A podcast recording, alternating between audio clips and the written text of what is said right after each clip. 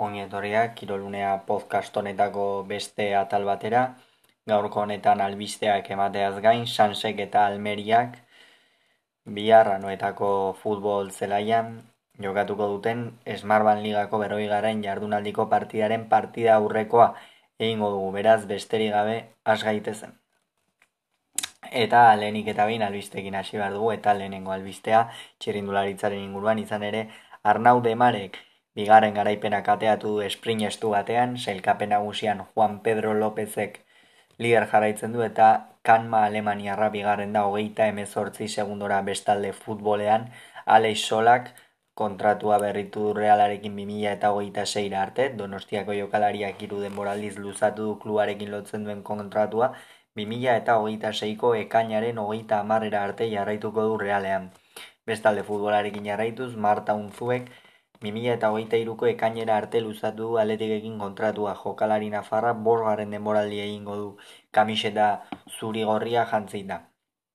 Bestalde eskubaroian, erabakita geratu dira finalerdi guztiak bidasoak eta granoiersek ekainaren lauan jokatuko dute zortzietatik aurrera eta finala ekainearen bostean jokatuko da zortzietan. Partida guztia zaragozan izango dira. Asobal kopari dagokionez.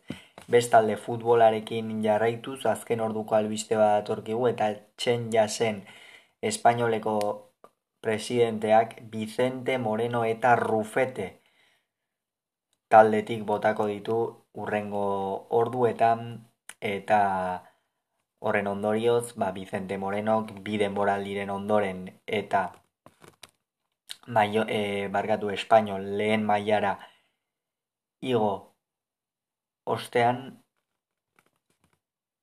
eta salvazioa lortu ostean ba ez du jarraituko espainolen berak.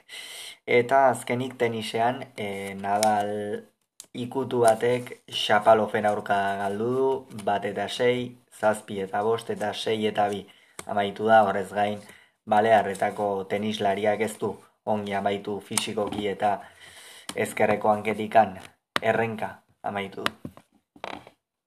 Eta oraingoa zen, bihar Sansek eta Almeria jokatuko duten partidaren inguruan hitz egitera, beno. E, Sanseren ultimatuma da, biharkoa ultimatuma da. Ez da buka beste hitzik biharko partidak Sanseren ultimatuma da. E, horrez gain gainera, ba beno, kontutan hartu behar da, e, Almeria eibarri irabaztetik handatorrela. Ez da, eibarri irabaztetik dator eta eta horrek asko esan nahi du. Eibar lidera zen e, orain arte baina lengoan ba Almeriak e, garaitu egin zuen. Garaitu egin zuen Sansek ere. Ez barkatu ez ez ez, ez Almeriak ez bai da olide garaitu zuen Eibar barkatu barkatu.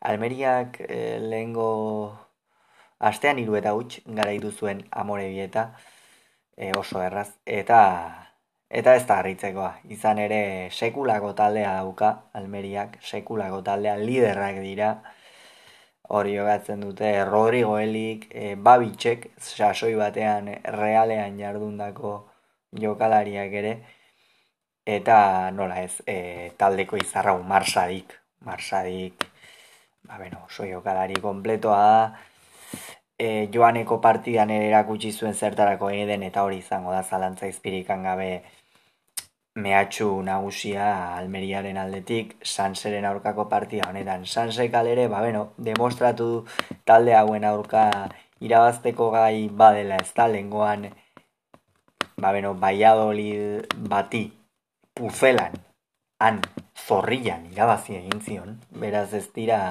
ez dira kondu makalak Sanserenak.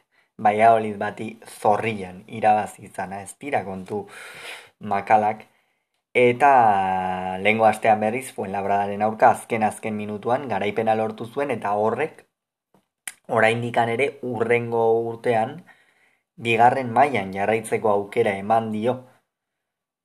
Horrela da une honetan Smartbank ligako sailkapena. Beno, hortxe, Malaga eta Sporting berrogeita bina punturekin. Sanse berrogei punturekin. Sanse noski iru partidak derrigor. e, irabazi behar ditu, hori oso oso zail ikusten da. Eta Granadak berriz jardunaldi honetan gogoratuko dugu.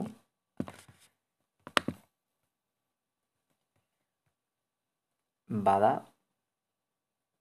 Tenerife hartuko duela. Playoffetan dagoen talde bat. Honek zer esan nahi du? Ba, Granadak, e, Malagak aukeran dia dituela galtzeko, eta Sansek bihar Almeriaren aurka ez usteko emango balu, zeira bazten badi madu noski, ez ustekoa izango da, ez ustekoa emango balu, erne ibili behar gara Xabi Alonsoren taldearekin. Izan ere hor daude, jomuan, hortxe, hortxe daude, eh, zai asko eratzen, bihar irabazi ezkero gainera. Ja da, virtualki jaitxiera postuetatik anaterako lirake, berdinketa lortuta puntuak arera jarri beharko lirake hori bai urrengo jardunaldian malagak eta esportine galdu egin beharko lukete, baina aleren iguste esan zerengan fede apur bat, fede apur bat eduki behar dela izan ere, kalitate handiko jokalaria ditu, ikera arizko sakrifizioa erakutsi duten jokalaria ditu, demoraldi osan zehar ikera arizko sakrifizioa egin dute, denek dena eman dute inork ez inorri ezin zaio ezer ez ukatu denboraldi osoan zehar. Eta sanserei bihar aukerak izango ditu. Noski, non egon daiteken partida, ez? Sansen noski bihar ez du baloiaren jabetza izango. E, Almeria asko zere gehiago delako.